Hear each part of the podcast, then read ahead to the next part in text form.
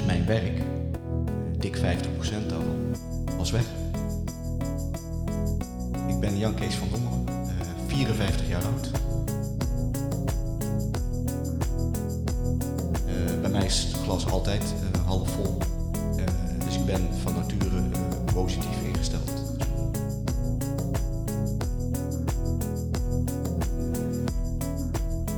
Nou, ik, ben niet lui, dus, dus ik kan niet goed stilzitten. Ik heb in de coronatijd overigens wel geleerd dat het heel fijn kan zijn om even gewoon thuis rustig op de bank te zitten. En gewoon ja, genieten. Nou, welkom bij de podcast Anders Zaken doen. Vandaag de vierde aflevering alweer. En onze gast van vandaag is sinds 2009 eigenaar van Van Dommelen Adviesgroep. En later ook van Klasseadvies. En met hem gaan we het vandaag hebben over hoe het is om te ondernemen in deze tijden van corona. En uiteraard ook hoe het daarvoor was. Jan Kees, welkom. Dank je voor de uitnodiging. Zou jij jezelf voor de luisteraars even willen voorstellen? Ja, natuurlijk. Ik ben Jan Kees van Dommelen, eh, 54 jaar oud. eh 30 jaar geleden eh, in het vak gestapt. En 11 jaar geleden als eh, ondernemer geswitcht. En, eh, ja, en mag ik wel zeggen, na eh, zoveel jaar eh, redelijk succesvol eh, mooi kantoor opgebouwd. Getrouwd, Ja. drie kinderen.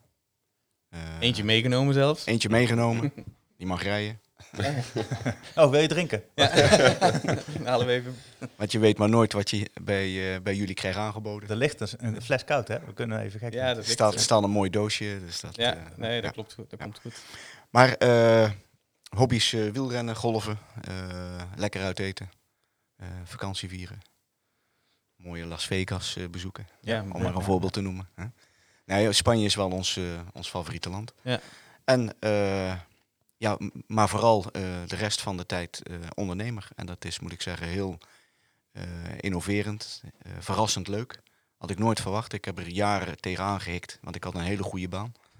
Eh, maar toch de stoute schoenen aan, aangetrokken op, op aanraden van mijn vrouw. En er absoluut geen spijt van. Het is ook in deze coronatijd heel mooi om te ondernemen en, en, en te zien wat andere ondernemers en ondernemingen eh, beweegt en doet. Dus En als we dan op die coronatijd een beetje ingaan, hè, want het is natuurlijk wel een, eh, een eh, rare tijd.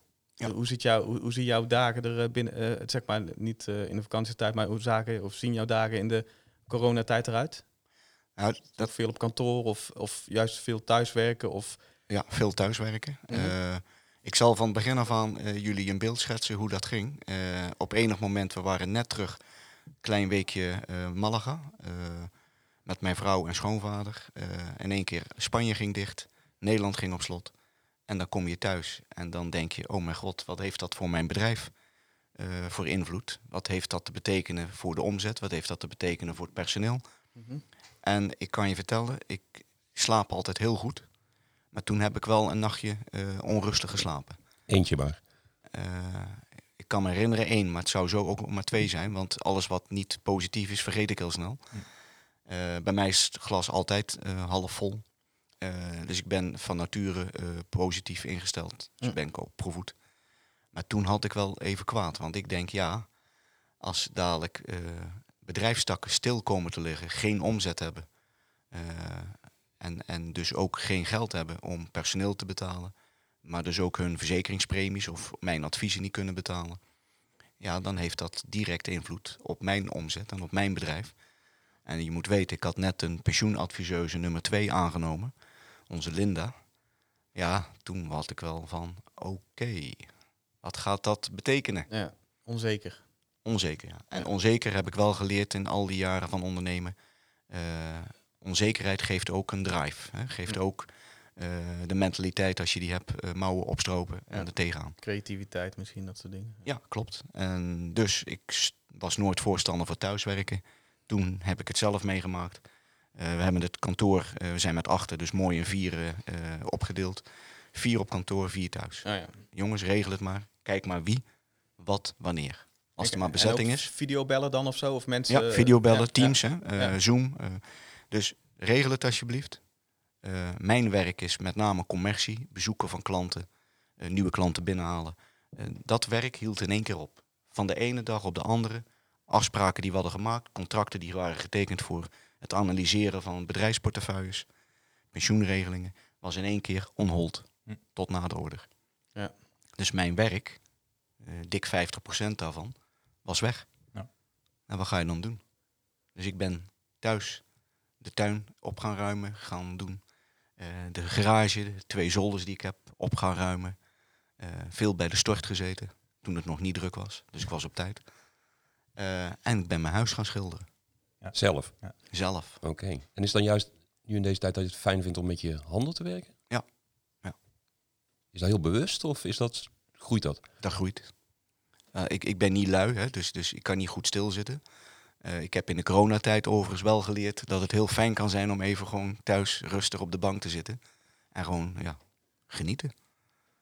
Die- Grappig is dat, hè? Die, die, eh, die kanteling die je dan maakt een beetje. Ja, ja. We vertelden, wij zijn ook podcasts gaan opnemen, omdat je toch heel veel thuis had. En ook s'avonds hebben we gewoon op afstand gedaan, niet zoals we nu zitten. Maar... En zo zijn er meer mensen die best wel rare sprongetjes maken. Of, raar in ieder geval eh, een, een andere wending nemen. Ja, Ja. leuk. Dus het was, eh, het was eh, verhelderend. Eh, je wordt er bijna nederig van als je dan in één keer blij bent dat je bedrijf gewoon doorgaat. Want dat is wat me daarna opviel. Ja.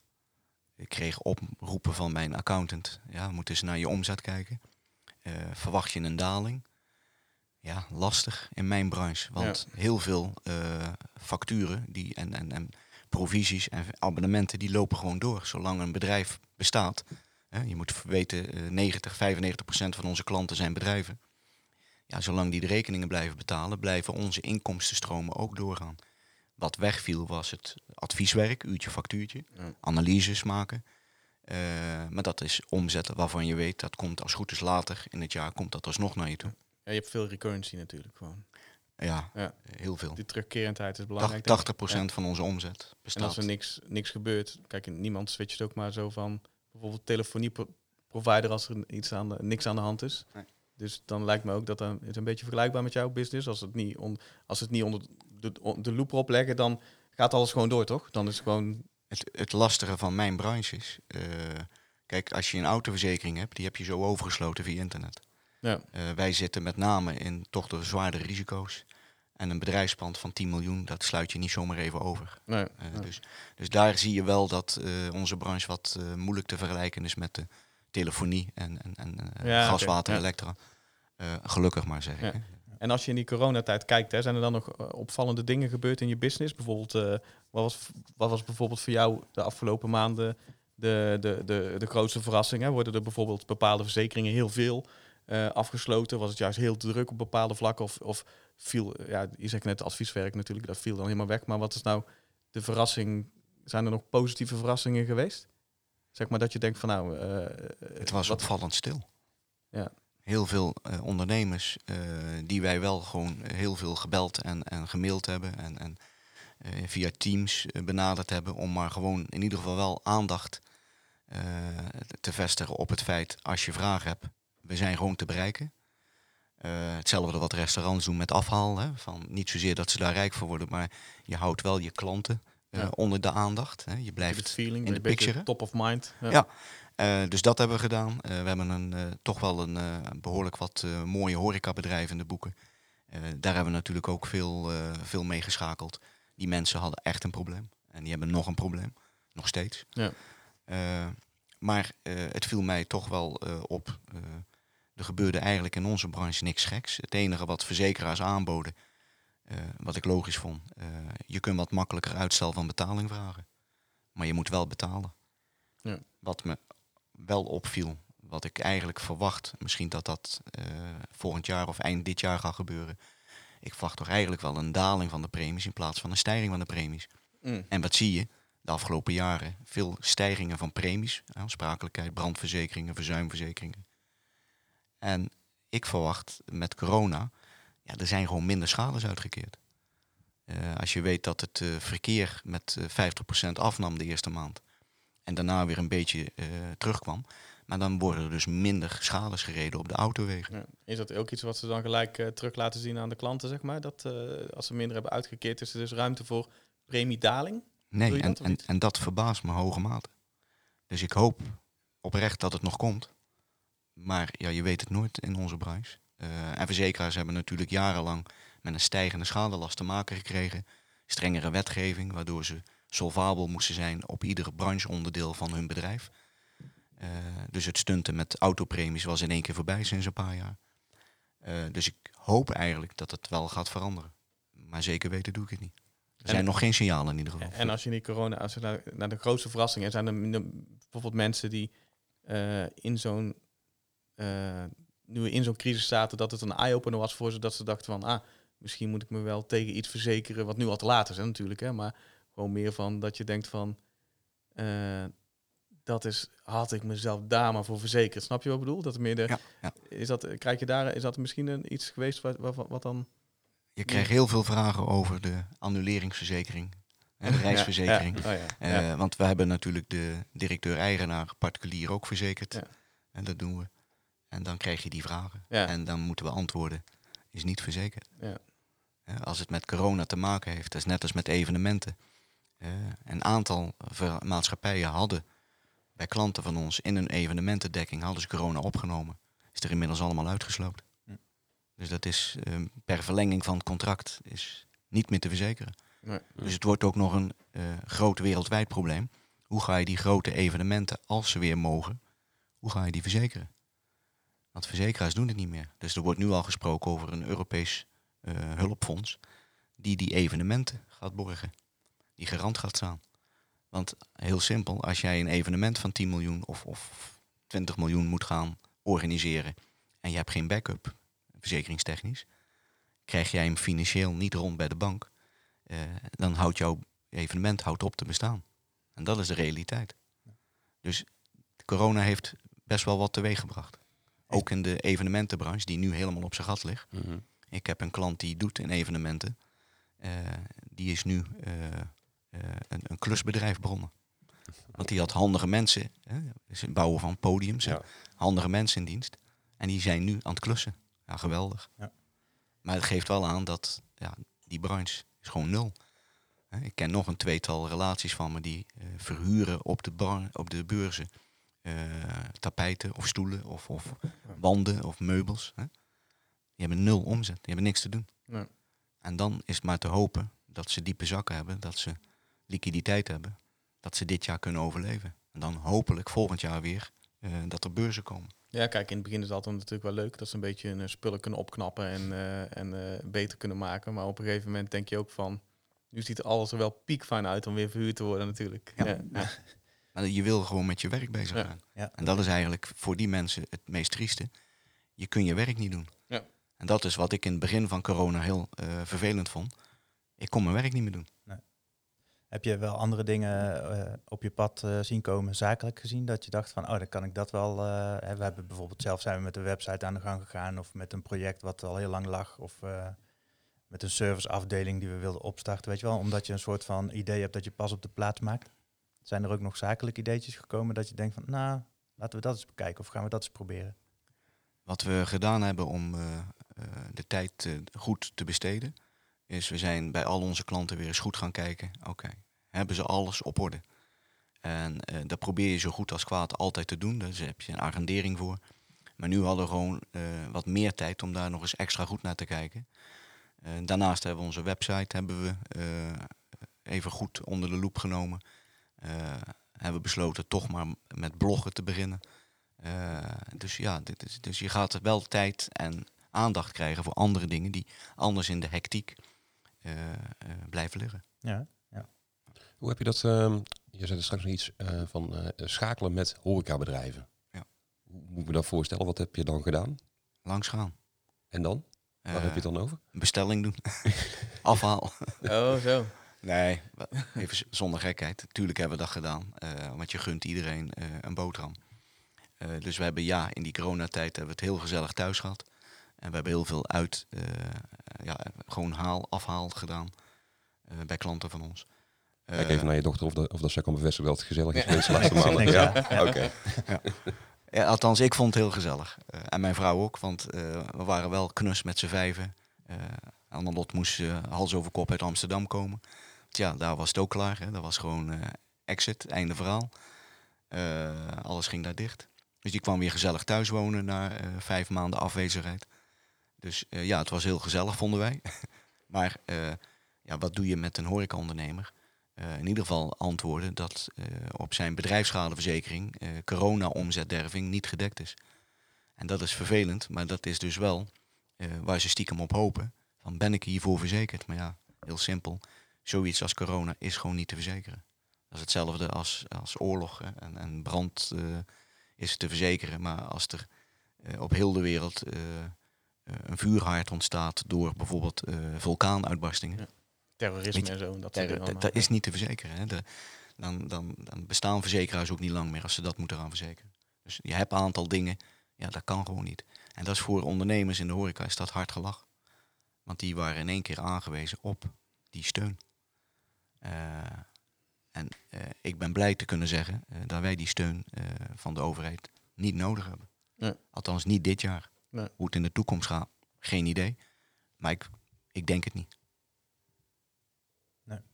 Heb je wel eens nee gezegd tegen een potentiële klant? Gewoon in jouw loopbaan, Meerdere malen. om even uit de coronabubbel te, te ploppen. Meerdere malen. Omdat eh, in mijn branche is het heel simpel. Je kijkt naar, eh, naar risico's. Hè? Dus iets moet te verzekeren zijn. Mhm. Eh, en hoe moeilijker het is, hoe leuker ik het vind. Want dan komt mijn vakkennis om de hoek kijken. En dan ben ik toch een beetje die vakidioot die dat leuk vindt. Hè? Zoals de meesten. Om daar even de eh, tanden goed in te zetten. Eh, maar waar wij met name naar kijken is naar het morele risico. Dus als ik weet dat een ondernemer het niet zo nauw neemt met regels, dan heb ik hem liever niet als klant. Hm. En dat klinkt heel hard. Maar ik kom op een bedrijf, ik kan aan de orde en netheid kan ik al heel veel aflezen van de eigenaar.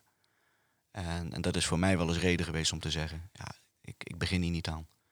Eh, om die reden heb ik toen ik elf jaar geleden met mijn vrouw begon met het bedrijf ook gezegd, als een klant die ik niet ken mij belt, eh, goh, eh, doe eens een offerte. Ja, wij doen geen offertes, wij maken analyses en, en daar dient de klant voor te betalen. Want mijn tijd is geld. En als je dan vindt dat dat niet hoeft omdat eh, anderen dat niet doen, eh, prima, het is een vrij land. Maar op die manier heb ik ook heel eh, goed een scheiding gemaakt tussen het soort klanten wat wij in de boeken hebben. Ja.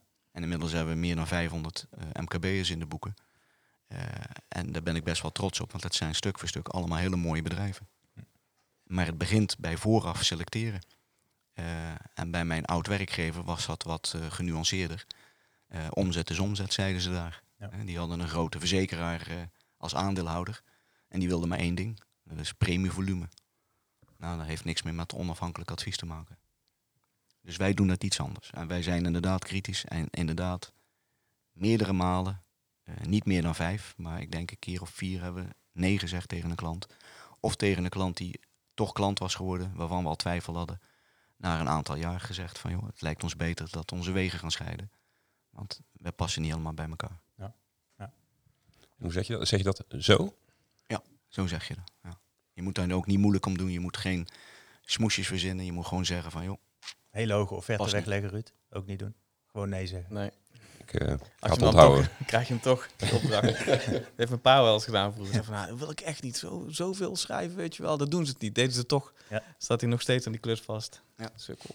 ja, dus daarom ook geen verhoogde premie. Nee, gewoon nee. En maar jij eerlijk zijn. voor je podcast, voordat we begonnen met opnemen, zei ik van, eh, toen begon je over, eh, dat je van ja, ik zit al natuurlijk al 30 jaar ongeveer in het vak eh, en ik vind het nog steeds leuk, maar verjonging, zeg maar, nieuwe mensen, daar had ik ook als vraag opgeschreven, zo van hoe, hoe, zit, hoe, zit dat, hoe ziet dat eruit in het vak? Is er nieuwe aanwas? Zijn er zeg maar mensen van de leeftijd van jouw dochter die denken van nou, ik ga bij mijn vader werken of ik ga in die branche werken, zeg maar. Is, dat, is, daar, is er een nieuwe aanwas?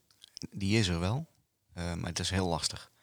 Eh, verzekeringsvak, pensioenvak is geen sexy beroep. Nee. Eh, als je het aan mijn dochter vraagt, dat heb ik natuurlijk al meerdere malen gedaan. Ik heb zelfs gesmeekt. Ja. Maar die wil niet in het verzekeringsvak. Nee. Dus, Nee. dus dat is gewoon realiteit. Dus daar moet je het mee doen. We hebben wel jonge mensen gelukkig op kantoor. Onze Davy is 23, HBO'er. Die werkt nu twee jaar bij ons bijna. En die vindt het leuk. Maar dat was ook niet zijn eerste gedachte toen hij bij ons kwam werken. Ja. Ik ga eens even een goede verzekeringsadviseur worden. Die was met heel andere dingen bezig. En die is bij toeval is die bij ons binnengerold. Maar hij vindt het wel heel leuk en hij vindt het vak heel interessant. Maar zo is dat bij mij eh, 30 jaar geleden op mijn 324ste ook gegaan. Ja. Ik kwam eh, op een makelaarskantoor in Roosendaal te werken. Op de Kennedylaan. En ik had nooit gedacht dat ik het zo leuk zou vinden. Ja. Maar ja, ik eh, wilde iets anders. En ik wilde meer verdienen. En ik wilde wel graag in een auto naar klanten. Dat vond ik wel interessant, dat wist ik dan wel. Eh, en wat, wat je dan moest gaan verhandelen, maakte me eigenlijk niet zoveel uit. Dus ja, zo eh, kan het lopen. En dat zie je nu ook. Hè. Er is ook bijna geen studentenaanwas. Nee, ik wou zeggen, dus die, die, als je zeg maar, je moet een beetje in het vak rollen dan via via. Ja. Het is niet zo van dat ze op avans zeggen van, eh, nou, dit is, eh, dit, deze opleiding moet je volgen om, eh, om, om dit om in, in jouw vakgebied te rollen. Dat zeggen ze wel bij Avans, want je hebt daar een afdeling bank- en verzekeringswezen. Hè. Dus, oh, die is er wel. Dus die is er wel, alleen die, die wordt niet goed genoeg bezocht. En dan krijg je dus ja, wet van vraag en aanbod. Ja, onze branche moet verjongen, Ja. maar er zijn bijna geen jonge eh, mbo'ers of hbo'ers, al helemaal niet eh, te vinden. Nee. Eh, maar die zoeken wij wel. Wij zoeken of een goede mbo'er, maar het liefst een hbo'er. Omdat wij in die zakelijke markt zitten en eh, met pensioenwetgeving te maken hebben. Ja, dat, dan heb je toch eh, een hele goede mbo'er nodig, maar het liefst een hbo'er. Ja, je moet er ook best nog wel aan, aan de bak, denk ik, toch? Met eh, Ja. cursussen, trainingen, eh Ja. certificaten, opleidingen. Ja. Zak, vaak zo. Ja. Vakgerichte opleidingen. Je kunt bij ons, eh, als het moet, kun je tien jaar aan de moeite eh, s'avonds leren. Ja. Ah ja, Dat heb ik namelijk moeten doen. Want ik was vroeger op school ook heel lui. mooi dat ik die richting niet gekozen heb dan. En daarnaast moet je je WFT, eh, PE eh, punten bijhouden, jaarlijks. En je moet elke drie jaar weer een examen afleggen om te toetsen of je vakkennis op orde is. En geloof me, als je 54 bent, zijn niet de leukste examens om te doen. nee. Maar goed, het- heeft er wel voor gezorgd dat er een aantal cowboys uit onze branche definitief verdwenen zijn. Het zorgt er ook voor dat oudere eigenaren van kantoren op tijd hun portefeuille verkopen. Dus dat is de keerzijde en dat is op zich helemaal niet verkeerd. Want onze branche moest echt opgeschoond worden. eh na de Spaar Select prikkelen en, eh, en dergelijke. Hm. En die er natuurlijk toch wel gewoon voor gezorgd hebben dat de wetgeving is aangescherpt. En, eh, en dat er wat rotte appels eh, uit de branche eh, geknikkerd werden. Ja, het, het verdienmodel is ook een beetje veranderd, toch? Afgelopen. Ja, ja. Dat is wel leuk. eh zou ik bijna vergeten. Maar toen ik eh, elf jaar geleden met mijn vrouw begon, ik ben gelijk op eh, keuzetarief gaan werken. Oftewel, tegen de klant, wil je beloond worden of wil je mij belonen middels provisies die in de premie zitten? Of wil je mij belonen op basis van uurtarief of een abonnement of een vast fee? En dan krijg je ook weer in onze branche, als je zakelijke markt zit, krijg je een hele leuke dynamiek. Want die vraag wordt, of werd in het verleden alleen maar gesteld aan de hele grote klanten, aan de grote multinationals. Hè. Eh, daar was het heel gebruikelijk eh, dat je op die manier eh, werkt. Netto tarief en gewoon een, vast bedrag afspreken of een uurtarief. Maar voor het MKB was dat nieuw. Dus daar moesten bepaalde klanten toch wel even aan wennen. Maar ik ben heel simpel ingesteld en opgevoed met de gedachte ook, iedereen kan rekenen. En ik heb wel heel snel geleerd dat zeker ondernemers kunnen uitstekend rekenen. Dus als jij ze voorlegt, dit kost het om mij in te huren. En dat gaat het je besparen. En je kunt me daarna nog inhuren om het te bemiddelen jaarlijks tegen dat fee. Dan bespaar je ook nog eens dat gedeelte. Nou, dan hoef je helemaal geen slimme gast te zijn eh, om te kunnen schakelen van wat wil ik nou. Ja. En geloof me, voor heel veel, met name de grotere MKB's, is die werkwijze is gewoon heel aantrekkelijk. Is die, is die gekopieerd daarna ook? Nee, daar heb ik me altijd over verbaasd. Toen wij met dat concept begonnen, dachten mijn vrouw en ik, wij hebben twee, drie jaar voorsprong. En dan wordt het overgenomen. Eh, een, een Rabobank hier in de buurt heeft het een halfjaartje geprobeerd. En daar zat een oud collega van mij, die hebben het overgenomen. Maar ook niet doorgezet, want ja, het is voor adviseurs die al heel lang in het vak zitten heel moeilijk om om te schakelen naar dat eh, model van, van verdiensten. Nou, en dan heb je ook nog een aantal eh, grote werkgevers die zeggen van, nou, het mag gewoon niet, want we hebben die provisie keihard nodig om, ja, die zijn gewend aan een bepaald inkomen. Mhm. Maar ja, in 2013 werden we wel geholpen. Toen kwam er ineens een provisieverbod op pensioenen, hypotheken, levensverzekeringen, et cetera. Arbeidsongeschiktheidsverzekeringen. Dus toen moesten ze in één keer om. Nou, ik zal je de details besparen, maar dat heeft grote tussenpersonenorganisaties in dat jaar heel veel geld gekost. Want die waren niet klaar. Ja, Ja, die kanteling was, hadden ze niet voorbereid, zeg maar. Die, en, en het zat er al tien jaar aan te komen. Hè? Dus het is nou niet dat ze ineens overvallen werden. Hè? maar dat is wel de realiteit. Mhm. Ik ben zelfs nog door een eh, tussenpersoon in het Westland uitgenodigd om aan de buitendiensten uit te leggen eh, hoe je nu om moet schakelen naar uurtarief.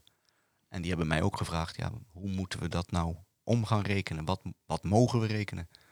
En dan moet je je voorstellen, er waren tussenpersonen die rekenden gewoon de provisie in pensioenregelingen om naar het tarief. Hè, dus die zeiden van, nou, wij verdienden vroeger zoveel aan zo'n pensioenregeling. Eh, nou, dan wordt het eh, op een uurbasis eh, en op een vierbasis van zoveel. Maar ja, dat werkt natuurlijk niet, hè? want dan zeggen ondernemers ook van, ja, ben je helemaal besodemieterd? Mhm. Dat is veel te veel. Dus je moet gewoon net als een accountant gaan rekenen. Oké, hoeveel tijd ben ik ermee kwijt? Wat ben ik waard? Uurtarief, maal dat. En dan ben je er. En zo hebben wij het gedaan. Dus ja, Maar het is ook wel leuke werk, denk ik. veel leuker werk. Je hebt in ieder geval niet het idee dat je mensen eh, veel te veel laat betalen voor iets wat het eigenlijk niet waard is. Andere kant is wel, het wordt nu ineens heel transparant gemaakt. Dus wij krijgen ook wel eens vragen van klanten, ja, wat doe je nou eigenlijk voor dat geld? Dus het is, en dat is wat onze branche heeft moeten leren. En nog steeds moet leren. Accountants zijn daar natuurlijk veel verder in. Eh, en dan krijg je wel eens discussies, ja, ben je daar zo lang mee kwijt, tijd kwijt? Ja. Ja, daar zijn we zo lang mee kwijt, maar dat gebeurt achter de schermen. Dus je kunt van de klant niet verwachten dat hij dat weet. Zoals ik ook niet weet als mijn accountant tegen mij zegt, we gaan vanaf nu op een vast bedrag werken, daar doen we alles voor. Ja, dan kan ik zeggen van ja, maar wat doe je daar dan voor? Ja, weet je, dat is dezelfde discussie. Maar dat doen accountants niet heel veel, denk ik, toch? Nee, Ik bedoel, nee, maar die kunnen niet terug. Hè. Dat is hetzelfde in onze branche. Moet je je voorstellen, eh, bij mijn oud werkgever, 40% van hun omzet was afsluitprovisie. ja, Dat viel in één keer weg. Dan heb je een probleem. Hè? Ja, nog En dat kun je met uurtarief niet meer inhalen. Hè? Dus je ziet ook in die jaren, vanaf 2013, zijn er nogal wat tussenpersonen overgenomen, CQ, eh, failliet gegaan. Ja. Wat heel uitzonderlijk is in onze branche. Dat gebeurde daarvoor eigenlijk nooit. Dan moest je echt wel een, eh, een koekenbakker zijn om dat voor elkaar te krijgen. Maar dat is toen wel gebeurd. En je zag ook in één keer dat ja, eh, heel veel mensen eh, ontslagen zijn. En hoe ga je dan bijvoorbeeld om met, want toen kwam er ook internet, dat, dat, dat, dat was nog minder denk ik toen jij begon toch? Ja, klopt. Ja. Kijk, eh, hebben heel veel bedrijven last van gehad van internetconcurrentie, dat bedrijven in één keer makkelijker een product online kunnen kopen of particulieren makkelijker een product online kunnen kopen. Hè? Dus een verzekering afsluiten of een, misschien wel een stuk hypotheekadvies, I don't know. Maar heeft dat invloed gehad op, jouw eh, op, op jouw business, op jouw werk, op jouw... Ja, op mijn business absoluut. Op ons kantoor niet. Omdat wij bewust kozen voor het, het zware advieswerk. Hè. Dus de, dus sowieso wel de zwaardere maatwerk, risico's, MKB, maatwerk, zeg maar. maatwerk, ja. Maar heb jij een, eh, als tussenpersoon een portefeuille met eh, alleen maar, of bijna alleen maar particuliere klanten, dan heb je last van internet. En behoorlijk ook. Ja, En dat wordt alleen maar erger. die, gaan echt die weg is, vergelijken natuurlijk. zeker, en die weg is niet meer terug te draaien. Hm. Als je dan ook nog weet dat je, je leveranciers, hè, je verzekeraars, je partners in business, als die dan ook nog eens een eh, label eh, opzetten, wat alleen maar rechtstreeks met jouw klanten schakelt en jou ertussen uitsnijdt. Hè. Dus In die branche zitten we ook. Hè. We Mhm. hebben hele loyale businesspartners, maar niet heus. Ja. Ja.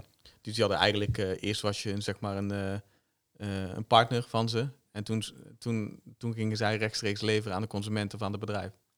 Allemaal, Ja. stuk voor stuk. Ja. Alleen heel veel nieuwe eh, online eh, aanbieders kwamen met andere namen. Dat was voor de klant niet zichtbaar dat daar Allianz achter zat. Of dat daar ASR achter zat. Ja. Of Nationale Nederlanden. Of noem maar op. Maar ze doen het allemaal. Ze hebben allemaal een direct kanaal. Ja, en dan is het dus heel belangrijk dat je toegevoegde waarde laat zien als tussenpersoon. En dat is wat wij de afgelopen jaren, eh, dat kunstje hebben we goed beheerst. Eh, maar dat is in onze branche nog steeds een zorgenkindje. Heel veel tussenpersonen kunnen niet uitleggen aan een klant wat ze nou precies doen. Dus daar moet je eerst over nadenken. Wat is onze toegevoegde waarde? Als je die kunt uitleggen, betalen ze jouw rekening. Binnen twee weken. Geen uitzondering. Heel andere vraag. Ja. Eh, het valt mij op dat je er altijd netjes uitziet. Wat wil je daarmee uitstralen? Kwaliteit, integriteit. Eh, en ik vind het leuk om me eh, netjes te kleden. Dat vond ik als puber al. Dus, Oké. dus dat is een beetje, ja, denk ik, van huis uit meegegaan. Maar het is met name, je, je wil een bepaalde kwaliteit borgen. Je wil een bepaalde deskundigheid uitstralen. En dan hoort het er ook bij dat je er gewoon verzorgd uitziet. Schoentjes poetsen. Eh, en net over hem Later poetsen toch, Jan Kees. zelf poetsen. Dan zelf poetsen. Heb ik ze niet kunnen leren, helaas. nee, maar bedoel- Doen ze thuis niet voor me. Barry is even in Vegas weer. Daar kun je je schoenen laten poetsen. Ja, ja dat klopt. Ja, dan zitten we dan in Breda. Dan valt het in één keer tegen. Ja. ja. Las Breda. ja. Hm. Ja, ik vroeg me af wat het gekste was wat je ooit hebt moeten verzekeren. Of het gekste waarmee iemand een keer langs jouw eh, bureau kwam van... hey, wat kunnen we hiermee? Nou, wat ik laatst weer heb moeten doen, eh, wat ik heel vreemd vind om te verzekeren, dat is een trouwdag.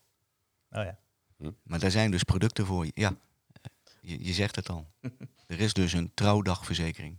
Is daar ook de scheiding in verzekerd? en, eh, Als ze niet, als ze niet komen opdagen. Eh, de trouwdag die ik het laatst heb moeten verzekeren, was een kostbare. Eh, en daar zat een dekking in voor corona.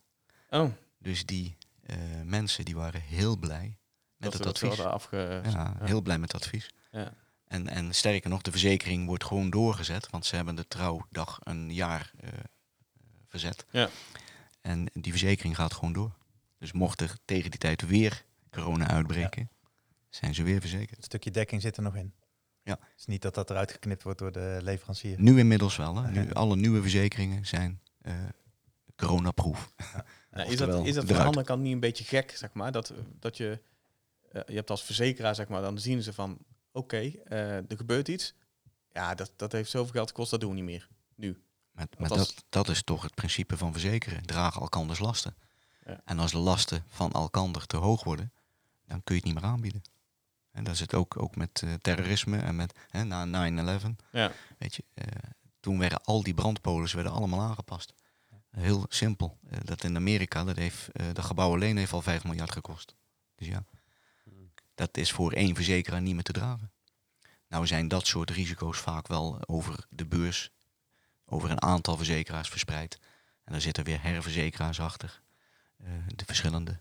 Eh, dus het komt niet bij één verzekeraar gelukkig terecht, eh, want dan is het gelijk exit. Maar het heeft wel impact. Oké. Ja, het voelt altijd een beetje van, oh, het kan dus gewoon echt gebeuren. Wij dachten dat die kans heel klein was. Laten we het dan de volgende keer maar niet meer dekken. Dat Ja. Zo voelt het een beetje, weet je wel, voor zulke dingen. Ja, terrorisme, maar ook corona. Dan. Maar we weten in verzekeringsland één ding. We weten niet wanneer en hoeveel schades er vallen.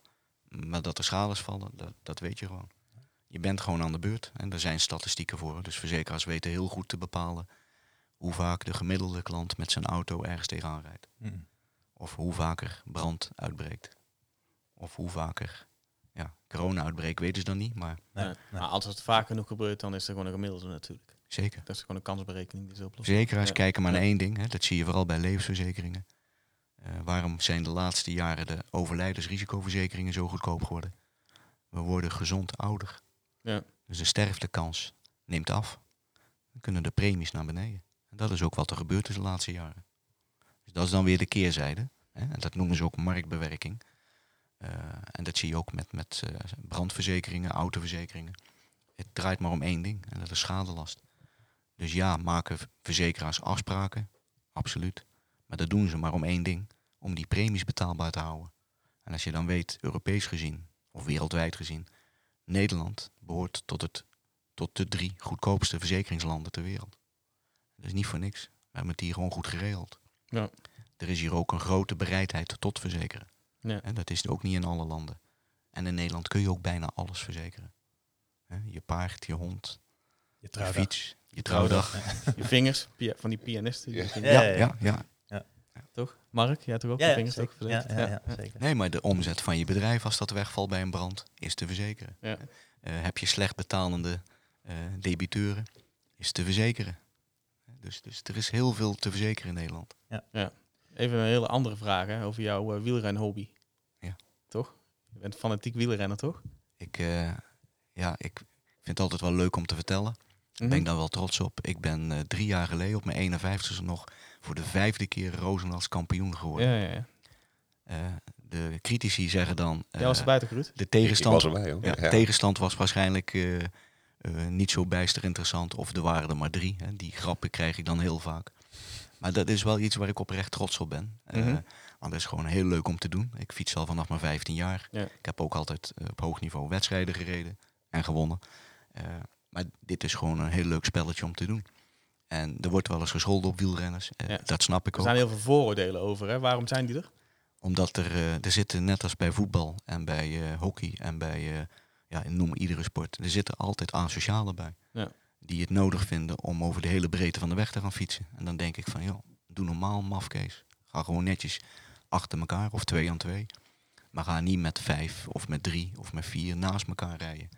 En als je een waaiertje trekt, doe dat dan in de polder, maar niet op een drukke provinciale weg. Nee. Hè, dus dat, maar tolerantie is ook ver te zoeken inmiddels. Hè? Dat heeft corona ook wel weer geleerd. En dan ga ik ook niet beginnen over het racisme, eh, racisme debat. Maar we kunnen steeds minder van elkaar hebben. Dus dat is een gegeven. Ja, En ik ik vind als het idee dat die coronatijd toch wel de mensen een beetje dichter bij elkaar had gebracht. Ja, dat zou je denken. Maar eh, we kunnen heel weinig van elkaar hebben. Want dat merk je al als je de supermarkt binnenkomt. En je bijna tegen een bejaarde aanstoot. Nou, dan krijg je de wind van voren. eh, letterlijk en figuurlijk. Nee, wij kunnen eh, steeds minder van elkaar hebben. En corona was in het begin absoluut. Zag je tekenen van, hey, is, Samenhorigheid. is meer samenhorigheid. Ja. Maar als iets te lang duurt, dan worden mensen knorrig en eh chagrijnig. Ja. En dat is wat je nu ziet. We kunnen niks meer van elkaar hebben. Nee. En we gaan ook elkaar gewoon de les lezen. Hm. We zijn allemaal ineens kleine NSB'ers geworden. Ja. We verlinken elkaar om het minste geringste. Ja. Dat mag niet. En je moet afstand houden. En... Ja. Nou goed, laten we maar over ophouden. Want Ja. Ehm, ik had nog wel een, een dingetje waar ik benieuwd naar was. Want je bent een aantal keer verhuisd met je bedrijf. Ja. Ehm, je bent volgens mij begonnen in het Roosendaal Business Center, zeg ik dat goed? klopt, ja. Oké, dat was het eerste. Hè? Dat, ik, de eerste keer dat ik bij jou was, was daar, kan ik me herinneren. Dat klopt. Maar ik ben daarvoor begonnen in Breda bij een eh, bevriende tussenpersoon. Ah, oké. Eh, omdat ik, ja, we waren met z'n tweetjes. We hadden geen personeel. Dus ik heb toen een back-office ingehuurd. eh, voor een vast bedrag per maand. En zij deden toen, hadden voor mij een spreekkamer geregeld en een werkkamer. Maar ik was veel onderweg en werkte veel thuis ook. Eh, en eh, zij beheerden mij eh, portefeuille en mijn klanten stonden ze te woord, schade, afwikkeling, et cetera. Ja. Dus dat was het begin. Dus in Breda begonnen. Breda begonnen, toen Roosendaal Business Centrum, Ja. toen de Vijfhuizenberg.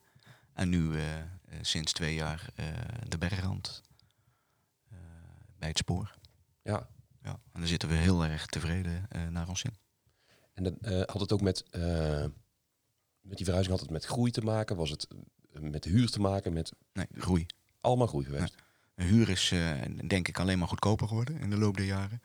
Eh, maar puur met groei. Als jij eh, naar acht, negen mensen groeit, dan heb je ruimte nodig.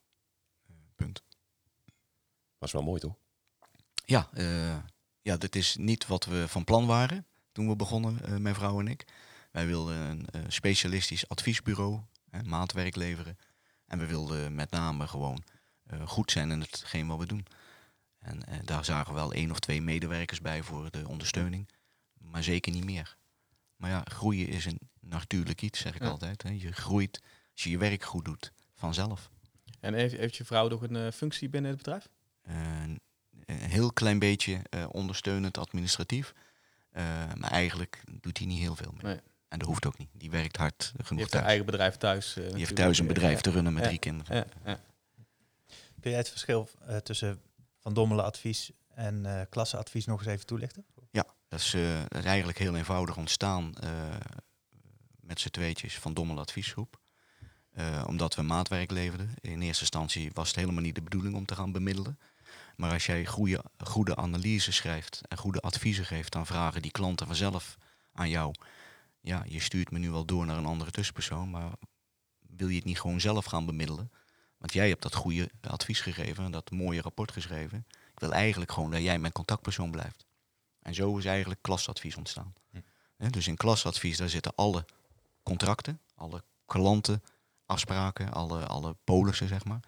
Er zit een portefeuille in. Eh, en die is eh, van Bas van Tetering en van mijzelf, eh, dat bedrijf. En van Dommel Adviesgroep, daar moet je je voorstellen, daar doen we nog steeds advieswerk in.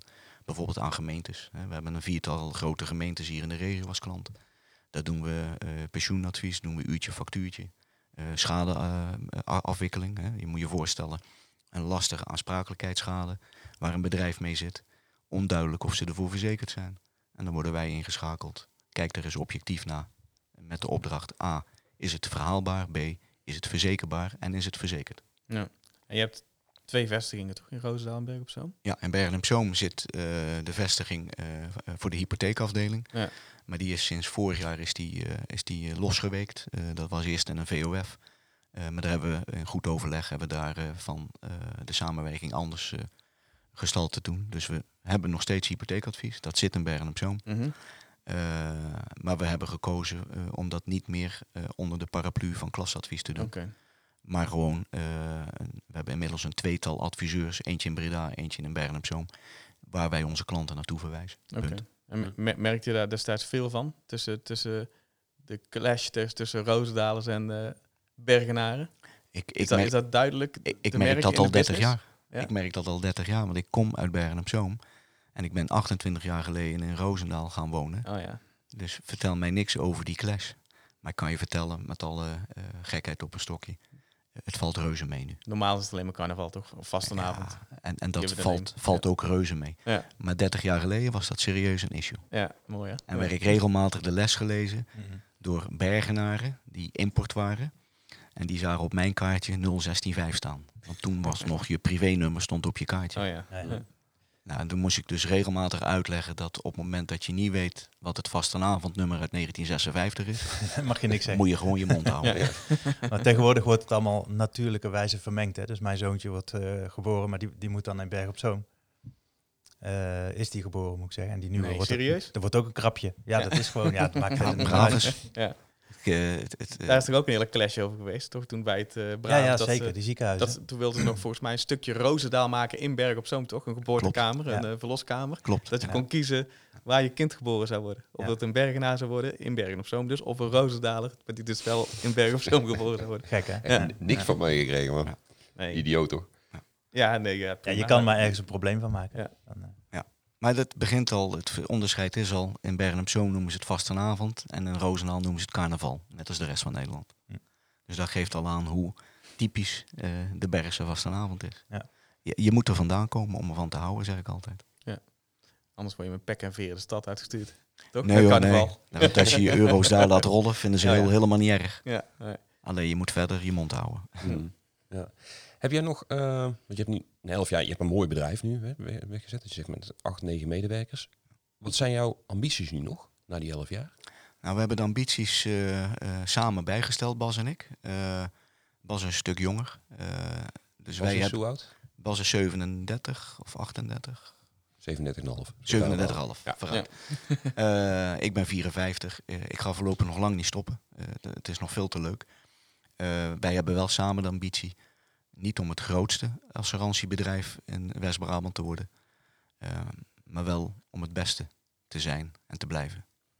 En waar dat toe leidt, eh, we zien het wel. Dat is een beetje, een beetje een vage ambitie. Of voor mij dan. Dus denk ik, ik wil heel graag de beste zijn. Maar hoe ben je dan, hoe meet je dat? Eh, dat meet je eigenlijk aan je klanttevredenheid. Dat meet je aan de polisdichtheid. Daar zien verzekeraars het aan. Dus daar krijgen we regelmatig complimenten over. Maar eh, je meet het met name aan eh, het gebrek aan, aan royementen. Hè, wij hebben heel weinig verloop. Er gaan bijna geen klanten bij ons weg. Ja, of ze moeten met pensioen gaan of, of helaas failliet gaan. Dat gebeurt wel eens. Mhm. Eh, zeker in de crisis gebeurde dat nog wel eens. Maar verder, ja, wij, wij groeien heel natuurlijk. En wij groeien boven de markt uit. Dus wij groeien harder dan het gemiddelde. En dat is voor ons een indicatie dat we goed bezig zijn. Maar dat is ook waar we onze medewerkers eh, op instrueren en op blijven hameren. En blijven bijscholen. Eh, het draait bij ons vak om kennis. Als je niet weet waar je het over hebt, niks zeggen. En dat is nogal eens moeilijk. Eh, dat zien we nog wel eens bij andere kantoren die beroepen zich op bepaalde adviestakken waarvan wij vinden dat ze niet gekwalificeerd zijn. En dan zeggen wij, ja, dan moet je het niet doen. Maar daar word je ook wel eens op aangekeken, denk ik. Als... Ja. als, als, als bedrijf binnen een branche. Ja. Ik eh, we zitten tussen de koekenbakkers. Ga er maar iets moois van proberen te maken. Ja, eh, kijk, en wij zijn ook gewoon eh, recht door zee en recht voor zijn raap. Als wij vinden dat er prutswerk is geleverd, dan zetten we dat in ons analyserapport. En ik heb menig tussenpersoon wel eens moeten kalmeren toen hij dus van zijn klant ons rapport onder ogen kreeg. Ja, dat is heel simpel. Er is geen woord aan gelogen. Het staat er ook niet in Spaans, dus iedereen eh, kan het lezen. En eh, eh, zijn klant betaalt ons voor een second opinion. Dan zeg ik altijd, doe je voordeel mee. Dus. Ja. Maar ja, je maakt soms wel eens wat, wat minder vriendelijke mensen mee aan de telefoon. Ja, Ja, ja, dat is overal. Hè. dat is overal. Ja. En het is ook niet leuk om kritiek te krijgen of te lezen. Eh, maar aan de andere kant, ja, eh, ook wij zien wel eens dingen dat we denken van, hé, hey, dat kan beter bij ons. Je moet altijd eerst de hand in mijn eigen boezem steken. Hè? Je moet Ja. eerst naar jezelf kijken. Hoe kan ik mijn dienstverlening verbeteren? Want daar draait het om. Niet meer en niet minder. Wij zitten tussen een verzekeraar en een klant in. Dus wij zijn geen dikke vrienden met verzekeraars. Dat kan niet. Die rol mogen wij helemaal niet aannemen. Hè, wij hebben ook geen eh, belangenverstrengeling. Er is geen ene verzekeraar of bank die bij ons. Eh, Reisjes als Vegas aanbiedt, bijvoorbeeld. ja, dat- en als ze dat doen, dan zeg ik vriendelijk bedankt, maar dan gaan we niet. Hè, dat is heel simpel. Eh, je moet daar heel zuiver in de gaten zijn. En dat is wel flink verbeterd ten opzichte van pak een beetje 10, 15 jaar geleden. Want Ja. toen was dat schering en inslag. Ja. Ja, we zitten al op 45 minuten. Hè? We moesten het kort houden voor jou, toch? ja, ik had gezegd een half uur. Ja. Dus, eh, Oh, ik denk dat het goed is om af te eh, ronden. Ja, precies. Heb je ter afsluiting misschien nog een goede tip? Zakelijk of particulier? Of... Een goede tip, ja. eh, wees zuinig op je personeel. Hè, als ik aan, aan ondernemers, eh, als ik daarmee praat, wees goed voor je mensen. Want dan zijn de mensen goed voor jou. Eh, het bedrijf wat wij hebben heeft alleen maar zo kunnen groeien door goede medewerkers. Die zich inspannen en die altijd het beste weentje voorzetten. En die zich eh, vrijwillig bij willen laten scholen. Want dat is in ons vak nou eenmaal. Dus als jij goed bent voor je mensen, als je goed bent voor je klanten, hè, en zo kan ik wel even doorgaan, dan zijn de mensen en de klanten zijn goed voor jouw bedrijf. En nogmaals, groeien is een natuurlijk iets. Hm. Dus ik heb geen hogere wiskunde, ik heb geen eh, slimmigheidje. Ik heb alleen maar gewoon mijn dienstverlening, mijn vakkennis toegepast eh, naar mijn klanten. Ja. Niet meer en niet minder. En daar word ik goed voor beloond. Ik beloon mijn mensen ook goed daarvoor, om mij daarin te helpen. En dat is het. Meer eh, geheimzinnigs is er niet. Nee, nee, nee. Mooi. Nou, mooi. Dan eh, bedanken we jou voor jouw komst. Niet dank. voor je komst. Vond En het heel dan, leuk om te eh, doen. Nou, mooi. Dankjewel. En dan eh, tot de volgende keer. Yes. Goed.